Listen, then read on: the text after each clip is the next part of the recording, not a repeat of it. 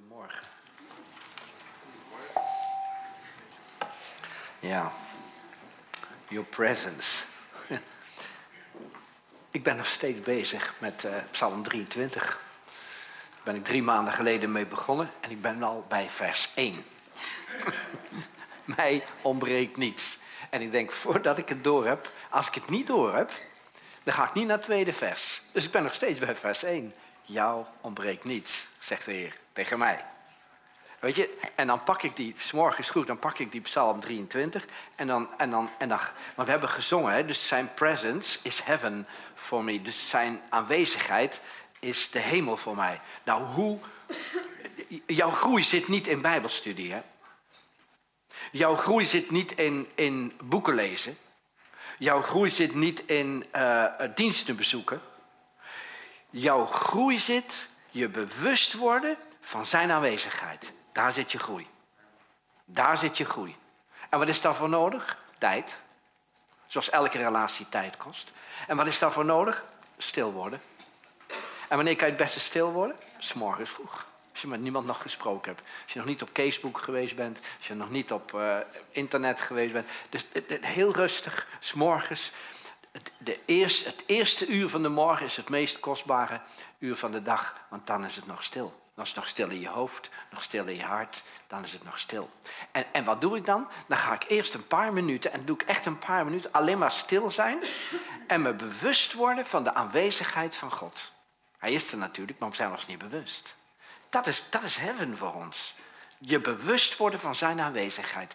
En dan wil ik dat gedurende de dag herhaal ik dat. Dus ik sta even voor een stoplicht. En, dan is, en als je dat s'morgens probeert, dus als je daar echt tijd voor neemt, en, en dan hoor je niet een stem hè, van hey, good morning of zo. Nee, dat ga ik je eerlijk zeggen, dat gaat niet gebeuren. Je bent dan in het niets. Je, je, gedachten zijn blank, je, je, denkt nergens over na. Je gaat geen eh, lijstjes opnoemen wat je allemaal graag wil hebben voor kerst. Eh, vaderdag, moederdag, noem maar op, voor je verjaardag. Nee, nee, nee, je gaat rustig zitten en je gaat je bewust worden van zijn aanwezigheid. En die aanwezigheid van Jezus, dat doet wonderen in je leven. Tenminste, bij mij. En dan komt de eerste vraag. Als je dan, en dan lees ik zo'n vers en dan ben ik weer stil. Ja, nou kun je je voorstellen dat ik niet verder gekomen ben. Hè? En dan ben ik weer stil. En dan ga ik erover nadenken. Jezus, u zegt, mij ontbreekt niets. Is dat zo? Is dat zo?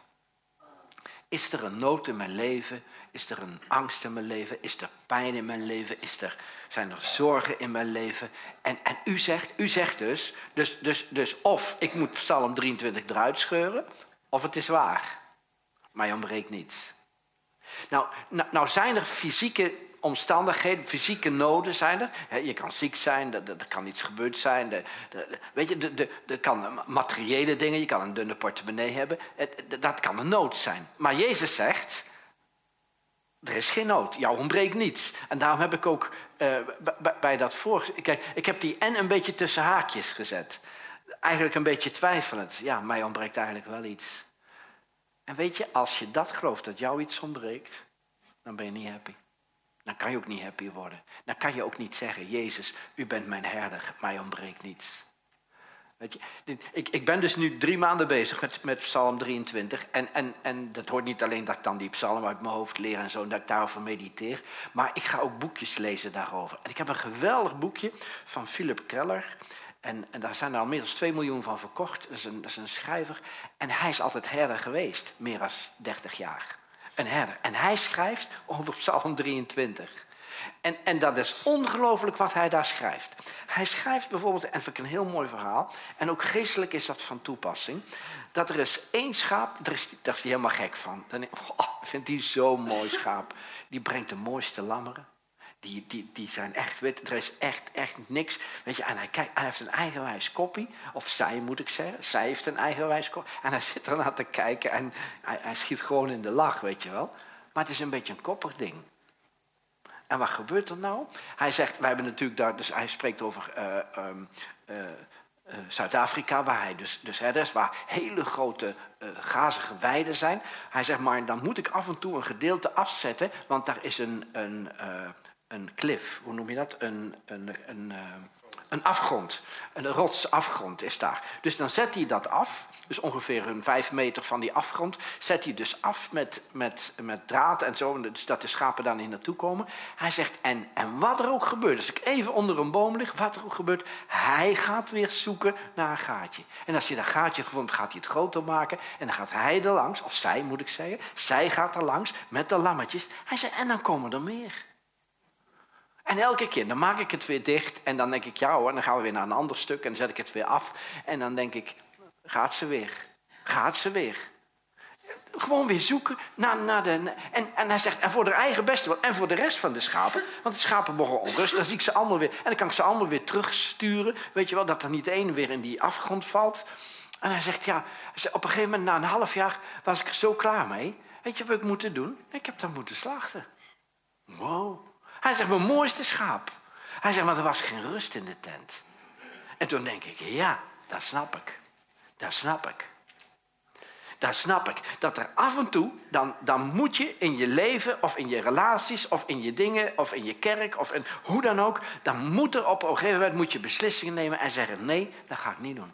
Daar word ik onrustig van. Daar word ik, van die relatie heb ik problemen mee. Daar, daar elke keer, ja, dan gaat het niet. En ja, en we waren in Zwitserland en we hebben pastor Prins enkele vragen gesteld. Dat is leuk, hè? Die was live op zo'n heel groot scherm. Zo heel groot, zoals deze muur, zo groot. En dan zat hij daar zo, en hij kon ons ook zien, hè? Dus, dus van twee kanten hadden we een direct verbinding. En dan zat er iemand die zat een beetje zo met zijn ogen dicht. Hij zei, hé hey broeder, word wakker daar. Gewoon leuk, hè? Ja, was echt heel gaaf. En één ding zei hij. Hij zegt, uh, uh, één keer in de maand, toen we nog klein waren... vroegen we aan de mensen om één keer iemand mee te nemen op zondag. Zo, zo, weet je, dan ga je bidden voor iemand en denk je, wie zal ik nou meenemen naar de kerk zondag? En toen dacht ik gelijk aan iets wat ik misschien wel eens verteld heb. Er kwam gelijk een, een, een verhaaltje in mijn gedachten van een man die, eh, die altijd ging joggen.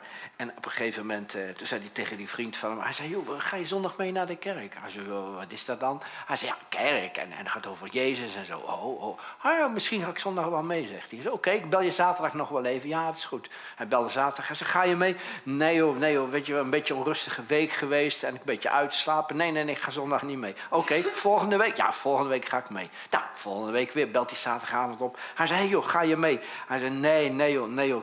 Ja, ik heb nog even met mijn vrouw. Nee, nee, we, gaan, niet mee. Maar volgende week ga ik mee. Nou, hij de volgende week weer bellen. Want ja, een christen blijft aanhouden.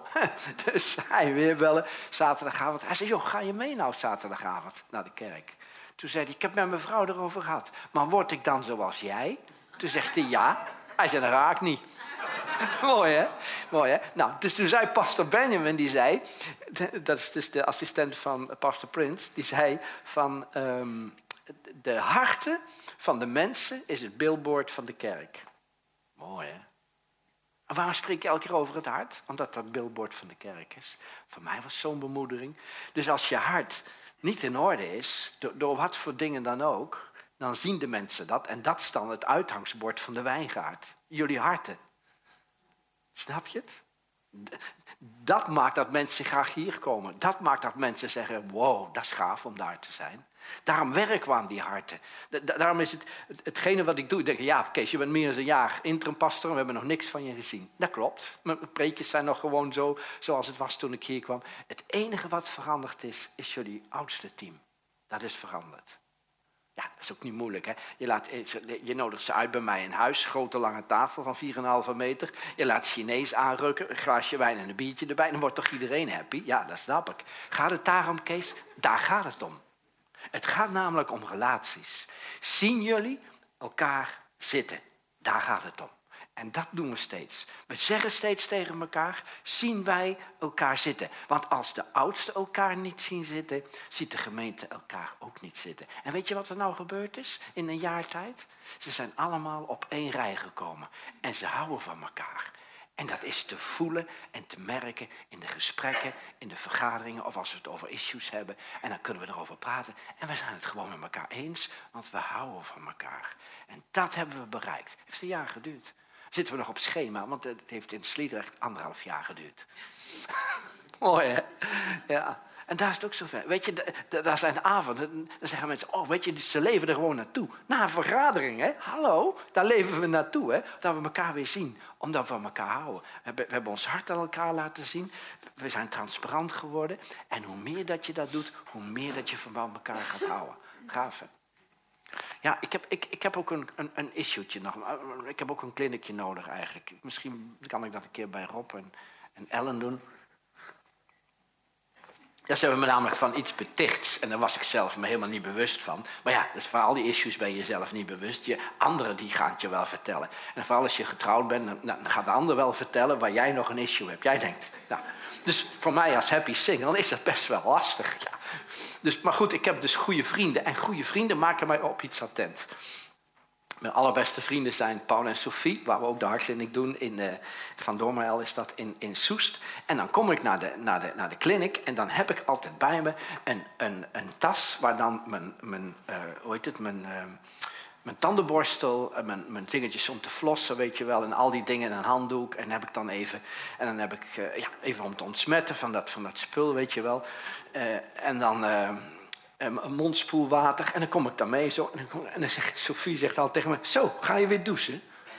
Ja, Sophie, ga helemaal niet douchen. Ik hou gewoon van na een maaltijd, hou ik gewoon van, van mijn tanden even doen. Vooral omdat ik bij mensen, als ik bedien, heel dichtbij ben. En dan is het toch niet leuk als je. Hè? Nou, dus ik, ik had er wat van gezegd en ik denk, oh, misschien moet ik dat maar niet meer doen, weet je wel. Laat ik maar gewoon die tas thuis en dan, ja, dan maar niet. Dat vind ik wel niet fris, maar ja, ja, weet je wel. Het is raar misschien. Ja, dan moet ik dan maar mee leven en zo. Totdat ik van de week bij mijn tandarts kwam. En hij, hij zegt tegen me, hij hoe lang kom je? Ja, ik al lang. Hij zegt, uh, je gebed ziet er goed uit voor je leeftijd. Ik zeg, oh ja? Hij zegt, ja, zegt hij. Hij zegt, tandvlees is gezond. Hij zegt geen dit en dat en op. Hij zegt, en het ziet er goed uit. Hij zegt, je doet er ook wat voor. Ik zeg, ja, ik doe er ook wel voor. Ik zeg, ik maak het steeds na elke maaltijd schoon en ik, ik hou niet van... Uh... Hij zei, ja, ze ga je iets vertellen. Hij zegt, als je niet je tanden poetst na de maaltijd of na, voor het slapen gaan of noem maar ook. Hij zegt, dan krijg je bacteriën in je mond die je ziek maken. Hij zei, een hele hoop mensen zijn ziek omdat ze niet een gezond verzorging van hun gebit hebben. Ik sprong een gat in de lucht. Dus het eerste wat ik tegen Sophie zei, Sophie, ik moet je iets vertellen. Ik ben met mijn tandarts geweest en je moet de groeten hebben. En ik heb mijn verhaal verteld. Hè. Nou, toen dacht ik, toen zei hij, het reek naar huis. En dan denk ik, Kees, het is nog helemaal niet zo dom. Ik, ik zeg tegen hem, wat is erger als iemand eh, bij je komt en zo. Want ik, ik, ik gebeurt wel eens, hè, na de dienst, dan, dan vertel ik dan niet dat het na de dienst is. Maar dan begrijpt hij toch niks van. Dus, eh, eh, dus, dus ik zeg tegen hem, wat is nou het meest vervelende als je met iemands mond bezig bent, als iemand knoflook gegeten heeft? Hij zei, Kees, het ergste is koffie. Oh? Hij zegt, daar zitten suikers in, daar zit, en er is een geur. Hij, ik zei, nou, dat weet ik wel. Ik zeg, gebeurt wel als iemand naar me toe komt, een kopje koffie, denkt even nog nog Pastor Kees. En dan doe ik een stapje terug vanwege, dan denk ik, wow. weet je wel? En dan doen hun weer een stap naar mij, want ze houden van mij. Dus, nou, dus hij zegt, koffie is dan, hij zegt, knoflook is voor mij geen probleem. Zegt, ik heb toch zo'n kapje, knoflook is geen probleem. Maar koffie, voordat de mensen bij me komen en dan niet een tanden, dat is het allerergste. Wow. Nou, hij zegt, als je een gezond gebit hebt, een gezonde verzorging van je gebit, en dat hoort dan ook met zo'n ragertje, weet je wel, tien keer bij elke tand, zo vroeger ik er één keer en klaar, één keer in de week, dacht ik vroeger. Nee, Kees doet het nu. Hè? Nou, oké, het kost even tijd. Nou, de verzorging van je mond, en dat dat gezond is, is belangrijk voor de rest van je lichaam. Geestelijke verzorging van je mond is belangrijk voor de rest van je lichaam. Als jij gezonde dingen spreekt. Hij zei, ja, het is niet alleen je, je, je, tanden, maar ook je tong, hè, zei hij, waar bacteriën op zitten. Het, het, schoonmaken van je. Dus dat doe ik met dat mondwater, doe ik die tong ook, hè.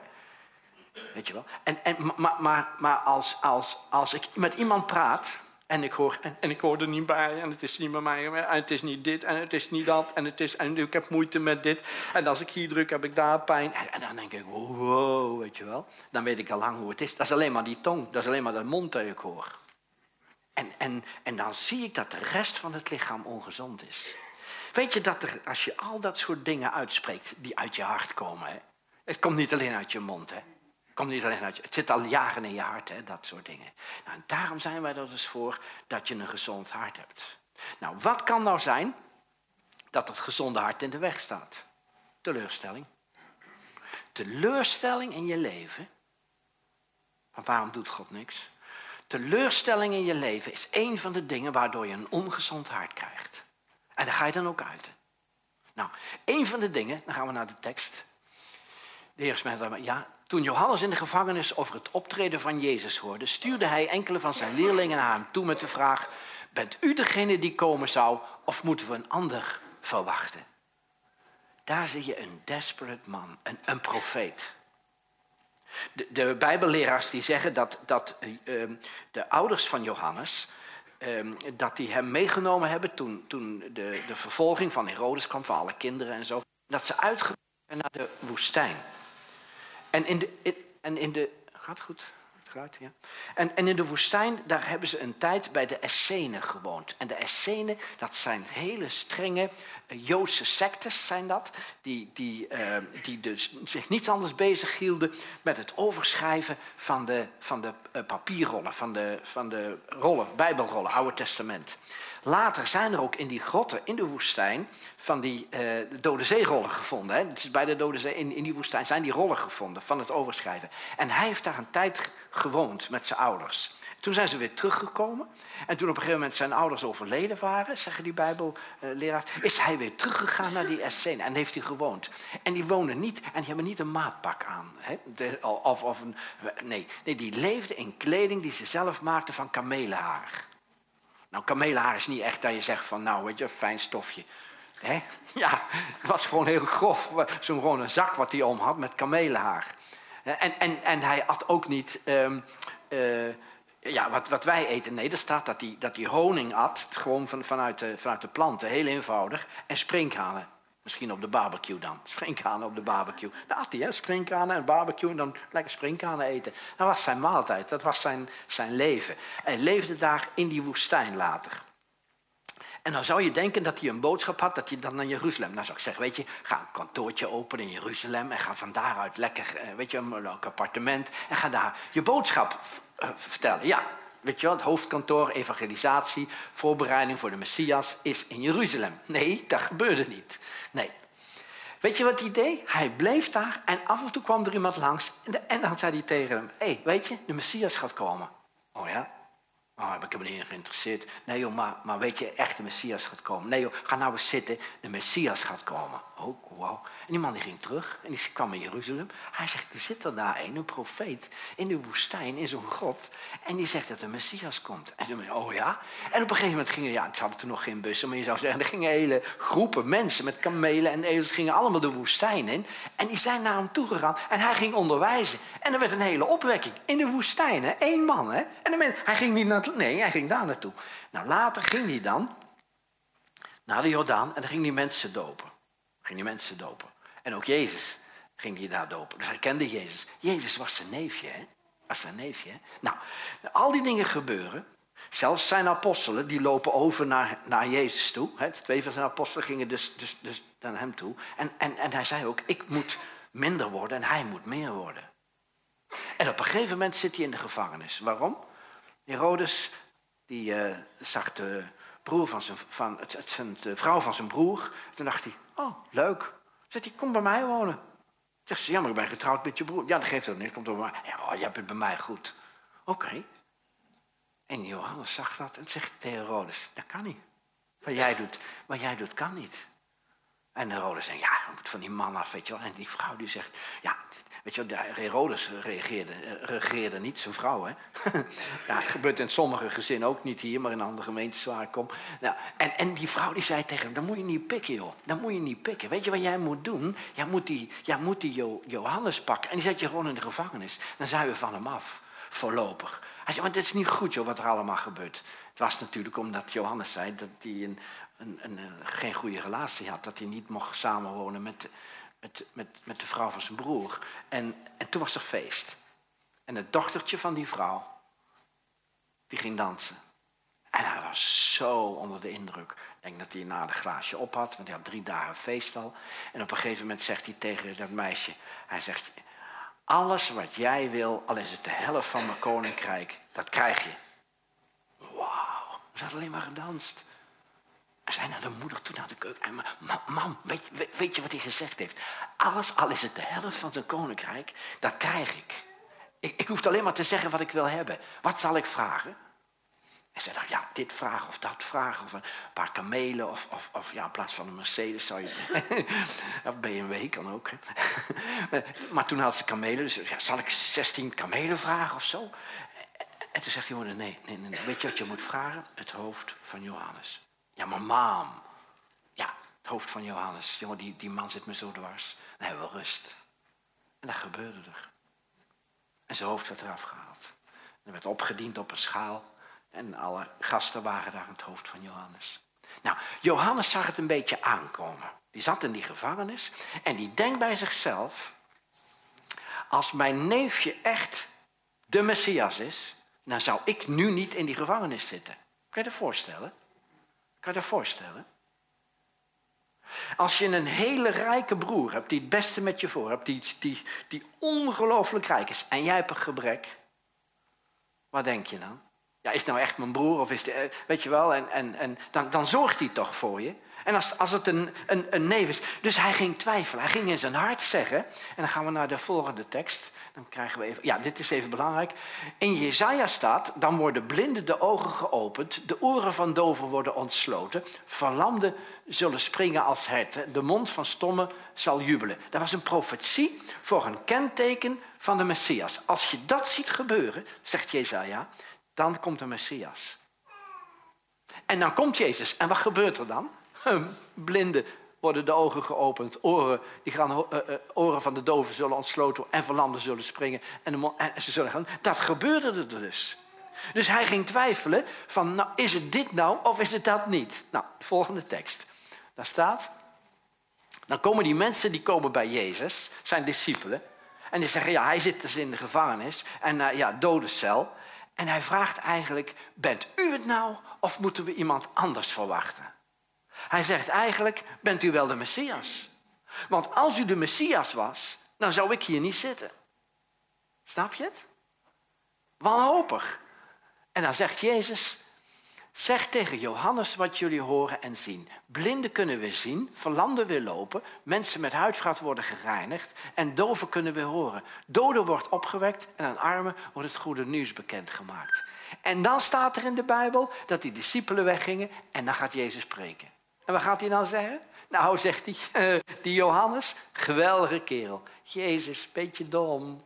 Jezus, je, had het nou gezegd toen die discipelen er nog waren? Nee, er staat de discipelen gingen weg. Terug naar Johannes.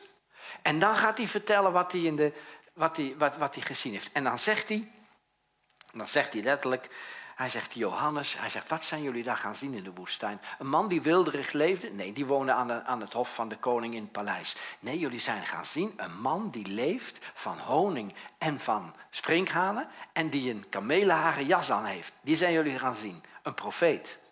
Die zijn, en, dan gaat hij, en dan gaat hij vertellen dat er niemand is onder mensen die zo, zo vanaf, de, vanaf de kinderschoot vervuld is met de Heilige Geest. Hij was de eerste persoon. Dus normaal in het Oude Testament bij de profeten kwam de geest op hun, van buiten naar binnen. Maar bij Johannes was het van binnen naar buiten.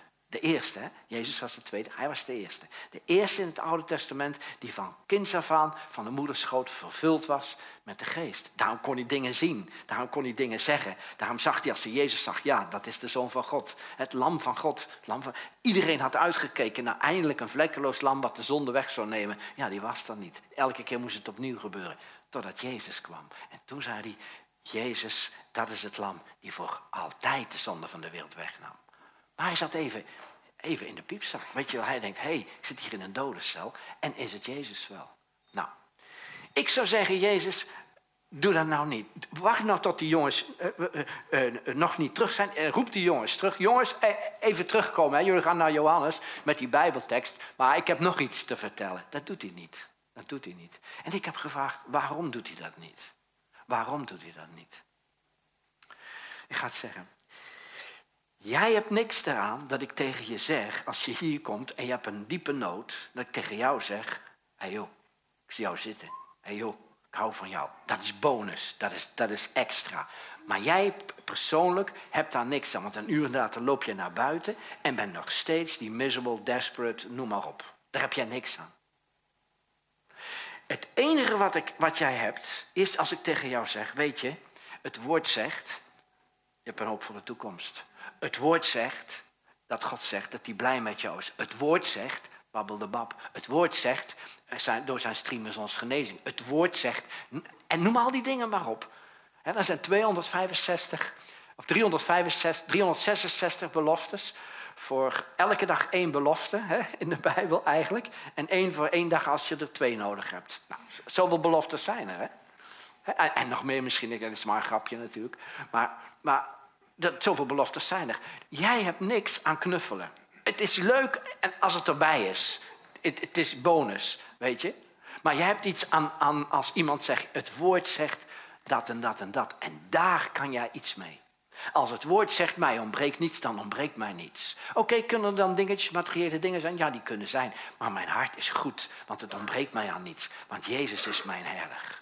Jezus is mijn herder. En dat doet Jezus hier ook. Ga naar Johannes en zeg wat jullie horen. En hij gaat speciaal die tekst, en hij wist dat Johannes die tekst kende hè, van Jezaja. Ga nou precies zeggen wat jullie daar zien. En dat, dat vind ik zo fantastisch. Dat vind ik zo geweldig.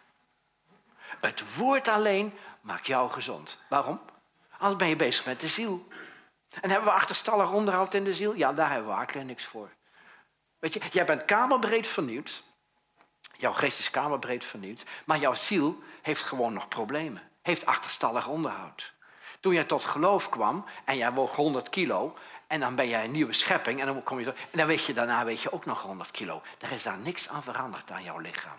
Jouw geest is namelijk vernieuwd. En vanuit die geest wordt en jouw lichaam aangestuurd en jouw jouw ziel wordt aangestuurd. Jouw, jouw denken, jouw, jouw, jouw wilsbeslissingen. Al die andere dingen die worden aangestuurd vanuit jouw geest. En daardoor gaat die ziel ook veranderen. Dan noemen we herstel van de ziel. restoration noemen we dat.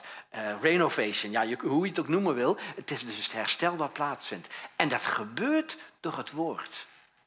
Door het woord gebeurt dat. Door onderwijs. Soms denk ik wel eens... Kees, die mensen hebben in, in Barendrecht elke maand al een preek van jou gehoord. Maar eigenlijk zou je weer bij een nieuwe begin moeten beginnen. Ik, ik, heb, ik heb vaak zoveel preekjes, weet je wel. Pastor Prins eh, elke morgen, dan dit, dan die. Dan moet ik even kijken of die nog een nieuw preekje heeft. Of Judas Smith nog een nieuw preekje heeft. Of Jim Richards nog een nieuw preekje heeft. En ik denk, het is veel te veel, Kees. Ik heb nog niet eens Psalm 23 begrepen, vers 1. Kees, ik heb zoveel informatie en zoveel prikkels. Dat ik denk, waar moet ik ermee? Het wordt tijd. En weet je, en ik ben een beetje gaan uitdunnen. En ik ben meer in de stilte gegaan. En ik ben meer bezig gegaan met de dingen die ik wel begrijp. De Heer is mijn herder. Mij ontbreekt niets. Dat begrijp ik. Ik denk, vaak is het te moeilijk. Vaak is het veel te moeilijk. En dan moet ik weten van Romeinen dit en de Hebreeënbrief moet ik nog fileren. En dan moet ik het openbaring nog kennen. En dan moet ik weten of ik voor of na de verdrukking weg ben. Of dat ik tussenin zit. Of ja, weet je.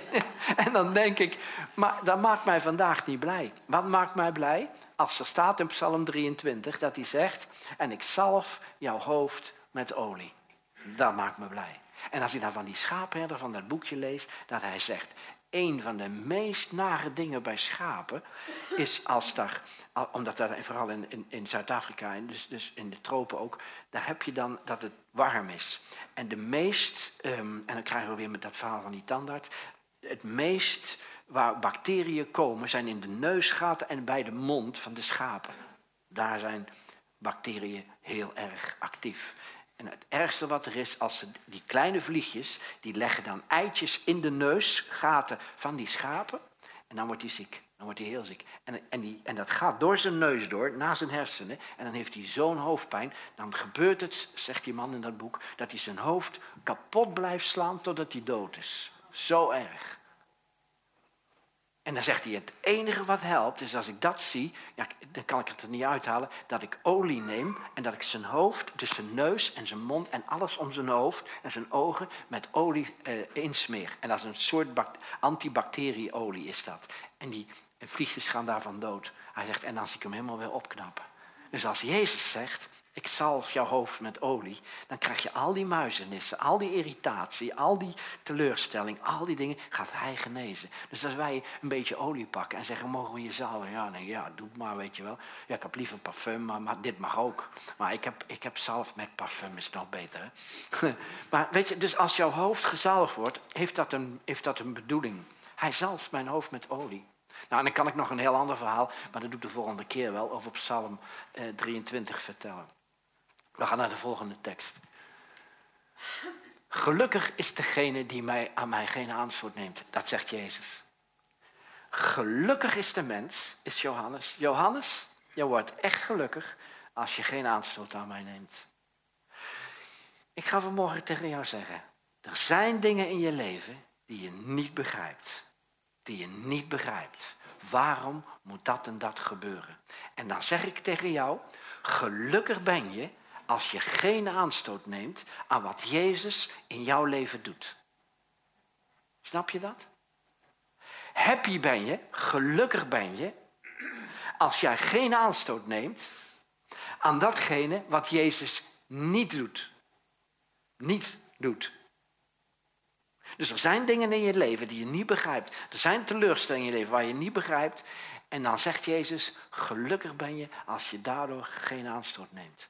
Eigenlijk wil ik het zo vertellen. Hij zegt tegen Johannes, Johannes, ehm, je bent gelukkig, je kan, je kan in geluk blijven, je kan happy blijven als je niet het moeilijk vindt, de weg die ik met jou ga. Wow. Wow. Dus eigenlijk zeg ik, gefeliciteerd vandaag als je er geen aanstoot aan neemt, hoe Jezus je weg met je gaat.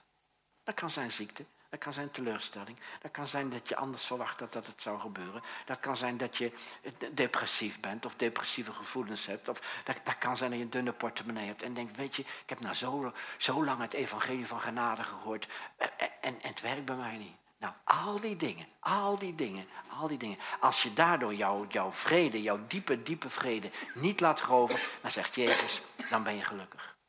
Dan ben je gelukkig. Gelukkig is hij die aan mij geen aanstoot neemt. Gaaf hè? Volgende. Ja, ik heb het al een keer gehad over depressie. Hè? De wortel van depressie is bitterheid. De oerzonde waardoor de duivel gevallen is, is bitterheid. Hij wilde iets wat God hem niet gegeven had. Nou, Johannes, die wilde iets wat God niet voor hem bestemd had. Dat is namelijk uit de gevangenis. Ja, maar, ja, maar, ja, maar, ja, maar Petrus wel. Petrus zat in de gevangenis en er komt een engel en die, en die klopt op de deur en zegt Petrus hallo. En dan zegt hij, kom mee uit de gevangenis. Huh? En Petrus komt daardoor en dan komt hij bij zijn vrienden en klopt hij op de deur en dan denkt hij dat ze geest zien. Nee, dat kan toch niet? Hij kan toch niet uit de gevangenis zijn? En, en dan moet je nog een keer kloppen en zeggen, ik ben het Petrus. Oh joh, ben jij? Je zat toch in de gevangenis? Ja, ik ben er nou weer uit. Nou, en ik kan me zo voorstellen dat Johannes, hij wel en ik niet. Is er dan iets niet eh, in mijn leven wat in orde is? Dat kun je ook zeggen. Hè? Ook mensen zeggen, ja, leef ik er niet in de genade? Want anders was dat niet gebeurd. Nee, joh, onzin. Onzin. God gaat met jou een andere weg als dat hij met hem gaat. Nou, gelukkig ben jij als je daar geen aanstoot aan neemt. Waarom Johannes zijn kop eraf en Petrus eruit? Terwijl hij zegt, er is niemand die groter is als Johannes. Die een grotere bediening had als hij. Hallo Petrus, je bent er wel mooi uit, hè? Snap je het? Er zijn dingen die wij niet begrijpen. Er is natuurlijk ook nog een duistere wereld die, die invloed heeft in die dingen. Die denkt van die Johannes, een kopje eraf. Dat kan hè, dat kan hè. Maar God laat het toe hè. God laat het toe. In zijn liefde, dat zeg ik erbij hè. Als jij denkt, nee, maar God die denkt van uh, Johannes, ah ik heb bij jou niks meer, ben klaar, ik heb Jezus nou, ja, weg. Nee, zo is God niet. Zo is God niet. Dat kan je ook, ook nog denken. En dat bedoelt Jezus, gelukkig ben je als je aan mij geen aanstoot neemt. Nou, volgende tekst. De eerste zonde was, God houdt iets achter en geeft niet waar jij zo naar verlangt. De eerste zonde. Dus, dus de duivel komt om, om de hoek kijken bij Eva en zegt tegen Eva, ze weet dat Eva eh, de man kan veranderen. Dat denken vrouwen. Dat is ook een leugen, dat is ook niet waar. Hè? Dat kan niemand. Hè? Maar hij dacht het. Weet je, pak Eva en dan uh, komt hij, komt ook wel Adam. Joh. Ik ga niet naar Adam toe, hij is het hoofd van het gezin. Nee, dan ga ik niet, ga naar Eva. En hij zegt Eva, net als die vrouw bij Herodes. Hoe doet dit nou joh? Nou, hij gaat naar haar toe en hij zegt, God houdt iets achter voor je. Dat is de eerste zon. God houdt iets en zij gelooft dat het waar is. Eva gelooft dat God iets achterhoudt. Dus die, die boom, je mag niet van die boom eten. God heeft gezegd, daar mag je niet van eten. Ja, God, waarom zet u me dan neer? Ja, omdat je er niet van mag eten. Weet je, discipline van jezelf, dus nee zeggen tegen dingen, geeft karaktergroei. Oh. Nee zeggen tegen, als je nog jong bent, tegen alcohol, geeft karaktergroei. Amen. Slaat in als een bom. maar dat is waar, hè? Nee zeggen, weet je wel? Ik, ik hou, ik, de pastors van Jonge Vrij noemen mij de Bourgondische pastor bij de Efteling. Ze denken dat ik nog in sprookjes geloof, maar ik hou van heerlijk eten. Ik geniet hè, als ik lekker eet en als ik voor mezelf iets klaarmaak, weet je wel, asperges met ham en, en, en boeren, boeren uh, aardbeien erbij. Weet je wel, allemaal van de boer haal ik dat zo op en dan komt zo van het land en zegt die moet je, ja, dan neem ik ze mee en dan maak ik ze klaar. Heerlijk hè. En dan kan ik daar een heerlijke chablis bij drinken. Ik ben een Bourgondier hè. Maar, maar waarom zie je dat niet aan mij? Omdat ik geniet en ook nee kan zeggen. Wow, dat is discipline. Discipline is waardoor wij groeien. Er zijn dingen die. die weet je, en, en, en, en lust, ik, lust ik twee kilo? Ja, ik kan makkelijk twee kilo op, maar ik doe het niet. Want de volgende dag, als ik me 80 keer moet opdrukken, heb ik er last van. Snap je het? Dus ik stel. Dus nou, nou, maar dat is een geestelijk principe. Hè? Dus ik stel een kort termijn genieten uit voor een lange termijn genieten. Voor een lange termijn genieten. Ik, en dat is wijsheid. Dat had ik vroeger niet, hè? Had ik vroeger niet? Dus, dus ik, ik, ik, ik weet nu dat ik, dat ik soms mijn wekker moet zetten om een uur eerder op te staan. Omdat ik denk het wordt een belangrijke dag en ik moet God zoeken, want het is belangrijk vandaag. Ik moet hem zoeken, maar hij is er al. Hè? Maar ik moet me bewust gaan worden van zijn aanwezigheid. Meer en meer ga ik, breng ik tijd door. Bijvoorbeeld vrijdag. Ja, ik stop zo, dus eh, jongens, ik snap het. Weet je wel, meer en meer word ik me bewust dat die, dat die aanwezigheid van God, dat, dat dat bij mij nog maar zo klein is. Zo dun. Zo dun. Dus ik heb gezegd van, uh, is, hoor jullie nog iets? Ja? Dus ik heb gezegd, vrijdag, vrijdag was het een uh, feestdag in Duitsland, dus ik kon toch niet uh, mailen met Duitsland. België was ook een feest, daar kon ik ook niet meer mee. Dus weet je, ik denk, ik neem een vrije dag. Zegt iemand, ja, 68 jaar en neem jij een vrije dag? Ja, ik ben altijd druk. Nou, dus ik neem een vrije dag. En die dag heb ik echt ingedeeld om een gemakje ontbijten. Echt stille tijd houden met Jezus. En heb ik een wandeling gemaakt en geen contact zoeken met mensen. Gewoon als een, gewoon een, een, een vrije dag. Allerlei berichtjes weer, allerlei dingetjes weer. Nee, nee, nee, even niet. En heb ik echt geprobeerd de hele dag door me bewust te zijn van de aanwezigheid van God. Dat is zo gaaf. Ja, klooster ga ik ook vaak en dan lukt het meer, want dan heb je verder niks te doen. Want de ramen zeggen, hé, hey, je moet schoongemaakt worden. En dan, uh, dit zegt, ook oh, een keer gestofzuigd worden. En de badkamer zegt, hé, hey, doe, doe, je ook nog iets aan mij? En ik doe dat niet. Nee, dus dat ken ik, dames, ik weet het. Uh, weet je wel? En, en ik doe het niet, hè. Ik zeg gewoon, nee, morgen is er weer een dag. Tuin, je ziet er mooi uit, morgen weer een dag. En we worden zo, en weet je wat, wat mijn probleem is? We worden zo opgejaagd dat ze zeggen, oh ja maar, ja, maar die tuin, weet je wel, er moet nog dit gehaald worden en dat gehaald worden, er moet dit nog gedaan worden en dat nog gedaan. En je wordt zo opgejaagd dat je geen rust hebt. En je denkt, nee, morgen hou ik wel een dagje stille tijd. Het gaat niet werken. Het gaat niet werken. Het was voor mij zo'n openbaring dat Graham Cook in een, in een bandje zelf, een, een cd zei, of een boodschap, dat hij zei, um, uh, rust is het medicijn van God voor jou. Want rust, rust brengt jou iets wat iets anders jou niet kan geven. Toen dacht ik, dat is waar. Rust rekent af met opgejaagdheid. Rust rekent af met, met, met, met drive, met, met, met doen. En dat is zo moeilijk. Hè? Voor een ondernemer om niet te doen, is moeilijk. Voor iemand zo'n druk baasje als ik. Mensen zeggen, heb je druk? Net zo druk als ik mezelf maak. Dat is waar, hè? Dat is waar, hè? Nou, wat ik jullie, wat ik jullie wens, hè, dus dat je, dat je Psalm 23 op een nieuwe manier gaat lezen. Dat de Heer zegt, ik ga jullie neerleggen in gazige weiden. Die man van het boekje, en als je het bij Amazon bestelt, eh, het kost 3,65, zo'n klein boekje. En er zijn er 2 miljoen. Ja, het is, als je Engels leest, het is echt ongelooflijk goed. Hij zegt, het meest naar mijn zin had ik het, als ik gezien had dat die schapen zich volgegeten hadden en als ze neer gingen liggen. En, en, een stuk verder in het bos ga ik nou, ga, ga, ik, ja, ik ben met Psalm 23 bezig, moet ik naar het bos en er zitten schapen. Dus ga ik bij die schapen zitten kijken. En dan zie ik, als ze liggen en ik doe dit, tap in mijn handen, gaan ze staan. Bij het minste onrust, of het minst gevaar, of het minst druk, of van wat ook, of als er een hond langs loopt of zo, gaan ze staan. Gaan ze staan. Dus nederliggen betekent volkomen rust. Dus daar staat er, de Heer is mijn herder, hij doet mij nederliggen in grazige weiden. Er is geen tekort, er is volop.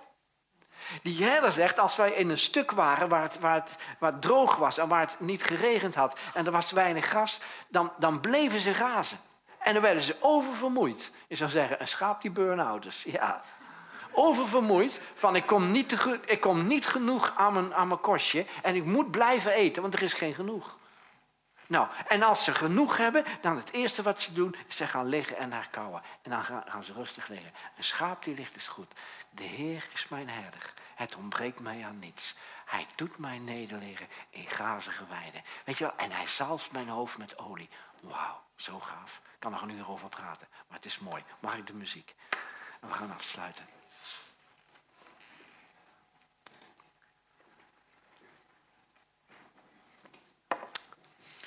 Voor, voor jezelf, niet voor mij, mag je je ogen dicht doen.